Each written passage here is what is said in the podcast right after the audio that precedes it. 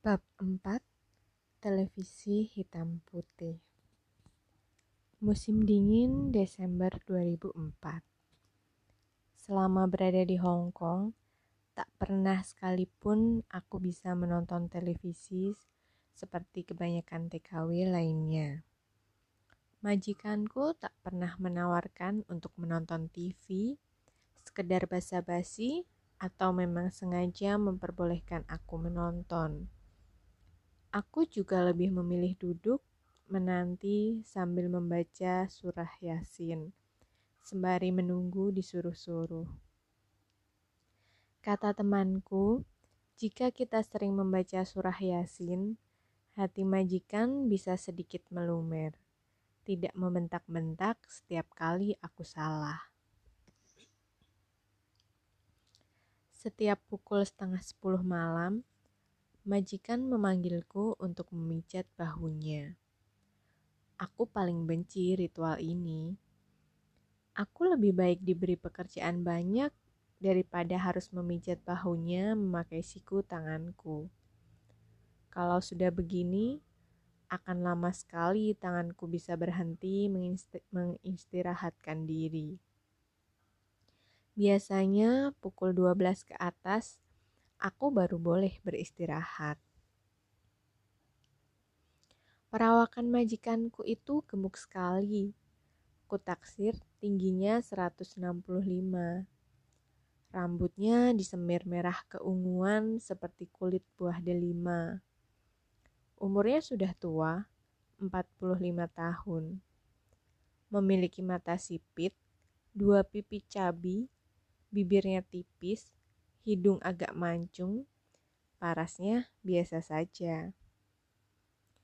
Konon katanya, orang yang doyan makan babi itu kulit tubuhnya tebal. Aku membuktikannya. Dia bilang pijatanku tidak bisa ia rasakan. Harus ditekan lebih kuat dan kuat lagi. Padahal napasku sudah ngos-ngosan. Baru saja selesai membersihkan meja setelah makan malam, mencuci piring, dan mengepel lantai. Aku baru duduk sebentar, dia sudah menyuruhku memijat tubuhnya menggunakan siku tangan, lalu terus menekan kuat ke punggungnya. Sisi positifnya, saat memijat itulah aku bisa menonton TV. Tapi itu tidak banyak membantu Aku malah merasa ngantuk dan pegal sekali dengan posisi berdiriku. Jika sudah begitu, aku merapal doa agar lekas selesai. Begitu kudongakan wajah dan mengganti posisi tangan, eh majikanku dengan enaknya tidur. Lalu kapan akan selesai? Teriakku dalam hati. Cepiring 1995 Setiap kali berada di kamar ini, aku dan kakak sering kali saling mendorong untuk mengatakan sesuatu pada bapak. Bapak terlihat lelah setelah selesai bekerja, sehingga aku tak tega mengatakan bahwa kami ingin TV berwarna seperti milik teman-temanku. Yang membedakan TV hitam putih dan berwarna bagi kami adalah TV hitam putih pilihan channelnya tidak banyak. Aku dan kakak selalu minder karena ketinggalan cerita di sekolah. Mereka yang memiliki TV berwarna merasa lebih hebat daripada kami yang tidak memiliki TV berwarna. Kami dikucilkan dari pergaulan karena tidak gaul tidak up to date, tidak berhak bergabung dengan mereka. Mengapa hanya karena perbedaan tersebut kami dijauhi? Dengan keberanian yang membubung tinggi, aku berusaha mengatakan sejujurnya pada Bapak. Bapak pengen kopi ndak? Aku pura-pura menawarkan jasa. Bapak yang tadinya mulai mengantuk membuka mata seraya mengerling janggal. Anak bapak sing ayu pasti ada maunya ini. Aku senyum-senyum melangkah ke dapur, meski bapak belum mengiyakan pertanyaanku.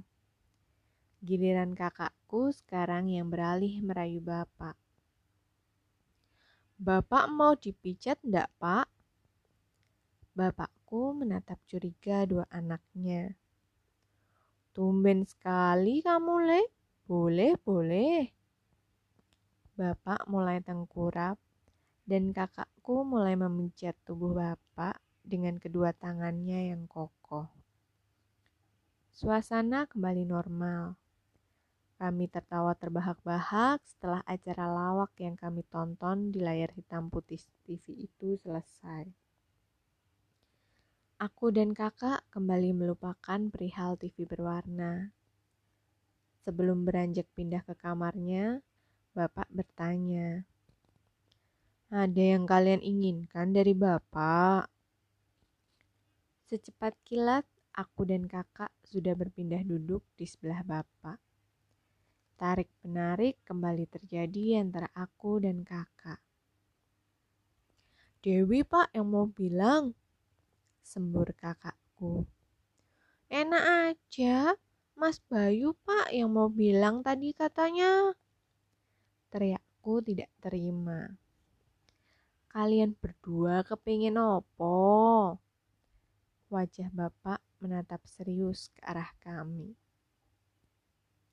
Hmm, anu pak, kami pengen dibeliin TV berwarna. Ucap kakakku pelan sekali seperti kecipak ikan yang takut dimangsa. Dewi janji pak, ndak dikasih uang jajan juga ndak apa-apa. Aku langsung menyahut, membantu kakak selamat dari amukan untuk berjaga-jaga. Bayu juga pak, Kakakku yang biasanya usil menjaga wibawa agar dikabulkan. Kami berdua bekerja sama dengan baik, tidak seperti biasanya saling bertengkar. Bapak pikirkan nanti yo. Aku dan kakak menarik nafas lega, sumringah senang. Kami memeluk bapak bersamaan. Ibu terlihat kebas wajahnya. Takut bapak marah dengan permintaan mewah kami. Tapi ibu sudah kami beritahu duluan bahwa kami punya alasan agar tidak dijauhi dan dikucilkan teman-teman. Malam itu aku dan kakak tidur bersisihan.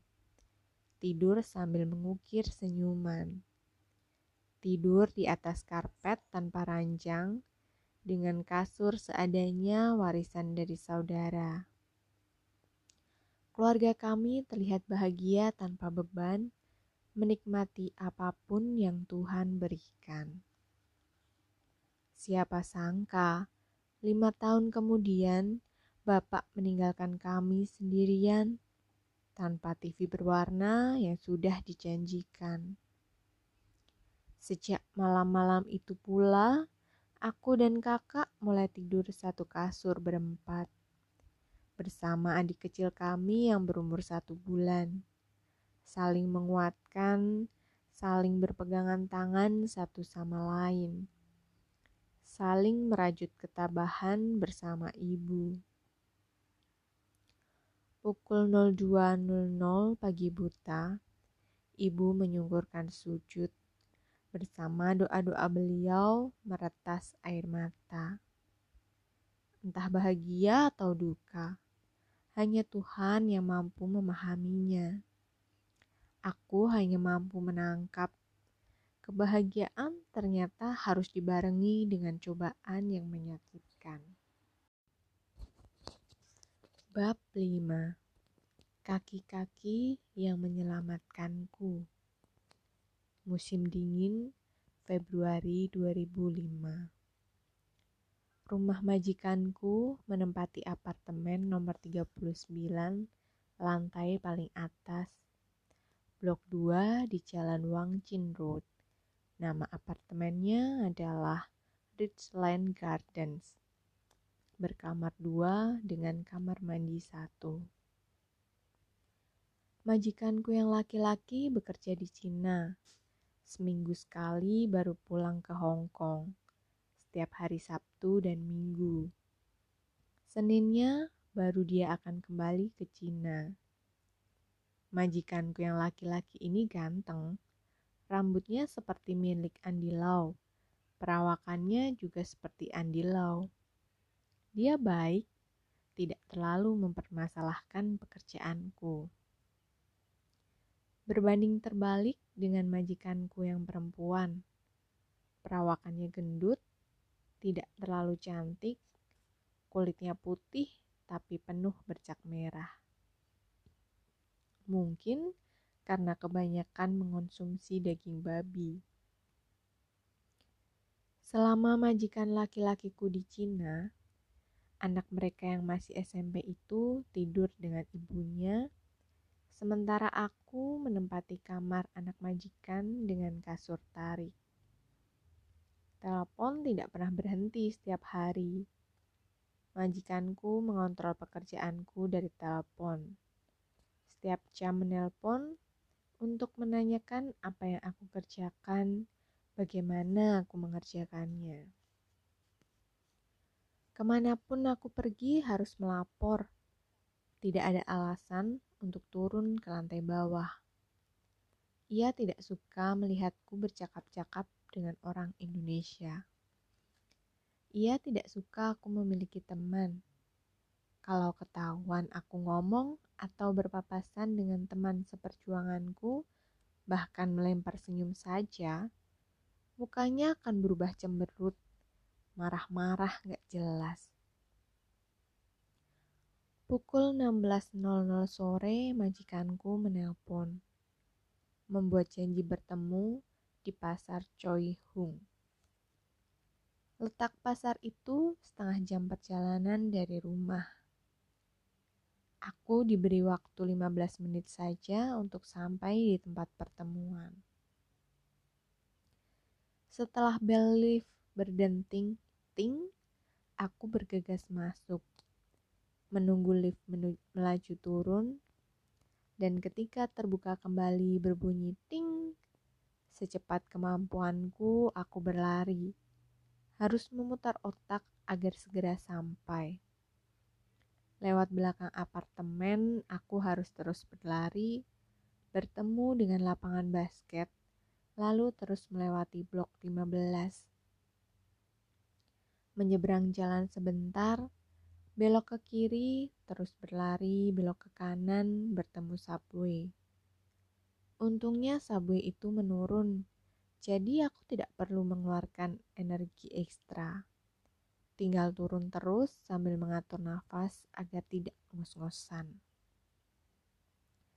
Setelah keluar dari subway, aku akan bertemu dengan bangunan tua yang sudah pudar dan luntur warnanya bercat putih dan semi kuning yang dihuni para nenek kakek Pingsek Estate.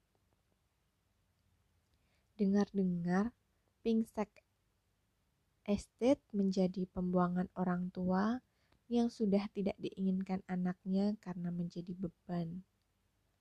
Aku mengelus perutku berkali-kali kala teringat cerita itu. Jangan sampai aku begitu kepada orang tuaku sendiri. Aku kembali berjalan melewati lapangan parkir sepeda motor, naik ke jembatan penyeberangan, lalu turun ke bawah, di mana ada papan besar bertuliskan Choi Hung Market. Alhamdulillah lega. Dari situ aku berjalan lagi lurus hingga di pemberhentian bus.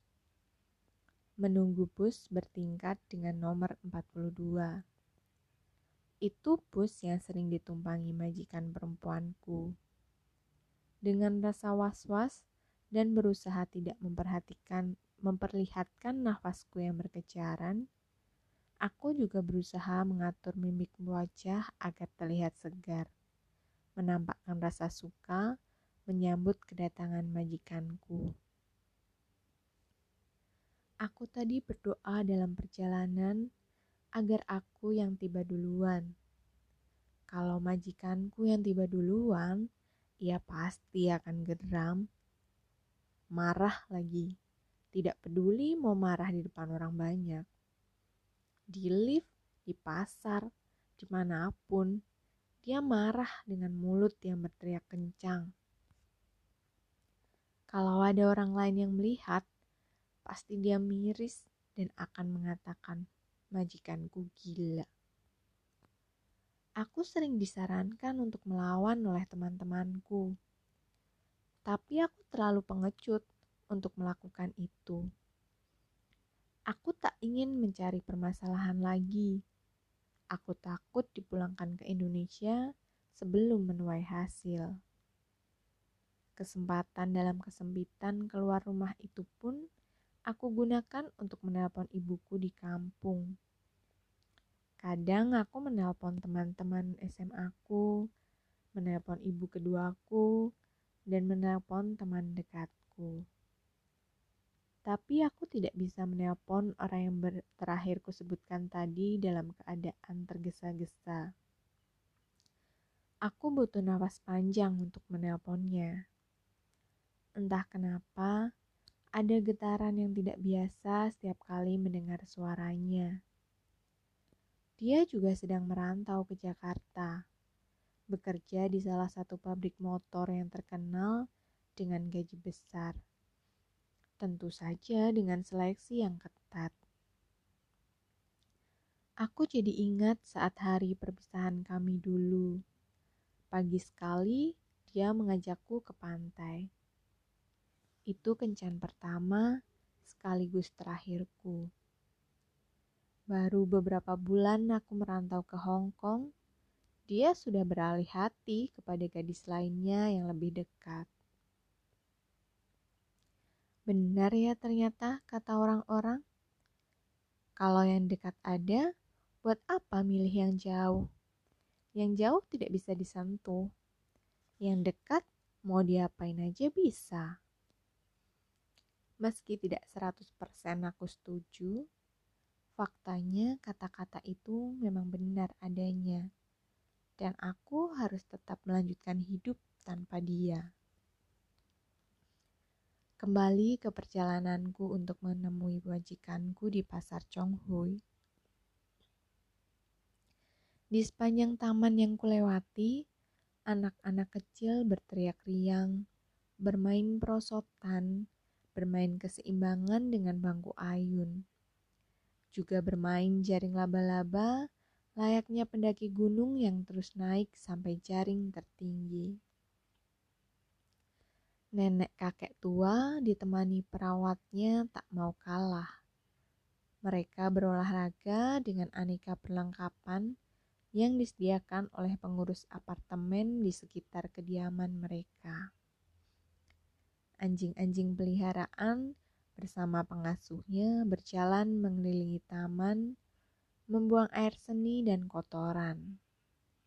Botol air mineral yang telah diisi air disiramkan ke tempat anjing membuang hajat, sementara koran bekas yang dibawa pengasuh digunakan untuk mengambil kotorannya. Tanpa risih dan jijik, semua dilakukan demi segenggam dolar aku pun melakukan hal itu. Awalnya memang jijik, tapi lambat laun aku terbiasa. Risi dan jijik itu tidak lagi membebaniku. Aku hanya bisa pasrah padanya. Lillahi ta'ala, ampuni aku ya Rob. Kalau ditanya, kan dosa memegang anjing, memasak daging babi, agamamu kan Islam, bukannya itu dilarang? Dilarang dan ada konsekuensinya, yaitu membersihkan diri dan harus mencari tanah untuk diusapkan ke tangan yang terkena najis. Sementara di Hong Kong, aku harus mencari tanah ke mana? Semua jalannya berpaving block. Aku hanya bisa memohon pada Allah, Dia yang Maha Melihat, Maha Tahu. Dia yang Maha Mengerti Untuk apa aku jauh-jauh ke negeri seberang mengais rezeki?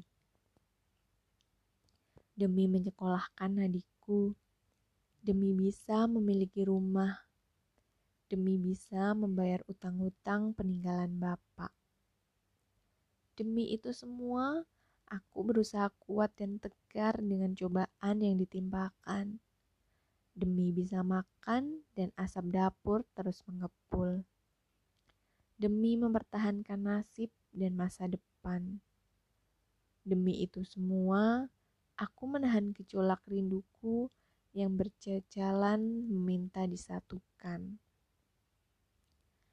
Salat di sepertiga malam yang ibu ajarkan masih terus aku laksanakan hingga sekarang. Memintal doa kepada Yang Maha Esa untuk setangkai rindu yang harus didekap sepanjang perjalanan mewujudkan kebahagiaan. Tidak ada alasan menyerah pada keadaan. Insya Allah, tidak ada jerih payah yang sia-sia. Di atas keterbatasan yang aku punya, aku harus bisa mengalahkan ketakutan. Sekarang, nanti, atau waktu yang akan datang. Janji-janji kebaikan untuk masa depan masih terpatri. Cuman dan pelukan nyaman ibu masih terbawa sebagai teman kesepian. Aku tidak pernah sendirian. Ada Allah yang menemani setiap detik yang berganti. Ada cinta darinya yang menguatkan pengorbanan. Ya Allah, jagalah ibu, adik, dan kakakku di sana. Bukakanlah pintu tobat untuk Bapak. Tuntunlah dia menuju jalan pulang. Benci yang bersarang dalam tulang perlahan memudar, berganti erangan kerinduan. Cinta, sejauh apa pun kau berusaha membenci, Sedekat itu pula benci menjadikan titik temu antara kecup dan merindu. Sajak kecil untuk kaki-kaki. Terima kasih atas ketabahanmu menopang tubuh. Pernah mengeluh, meski lamanya berjalan jauh. Tak ada yang lebih bijak dari sepasang kaki yang selalu menemani, menghapuskan ragu dan ringkih hati. Terkadang jarak serupa seringai badai. Engkau tak gentar dan tetap melaju, tak goyah tetap melangkah, meraih impian untuk kebahagiaan. Yang lalu biarlah tertinggal yang lama, sudahlah tak usah disesal. Jalan kebaikan melebar tak terbatas. Untuk apa merapuh ranggas?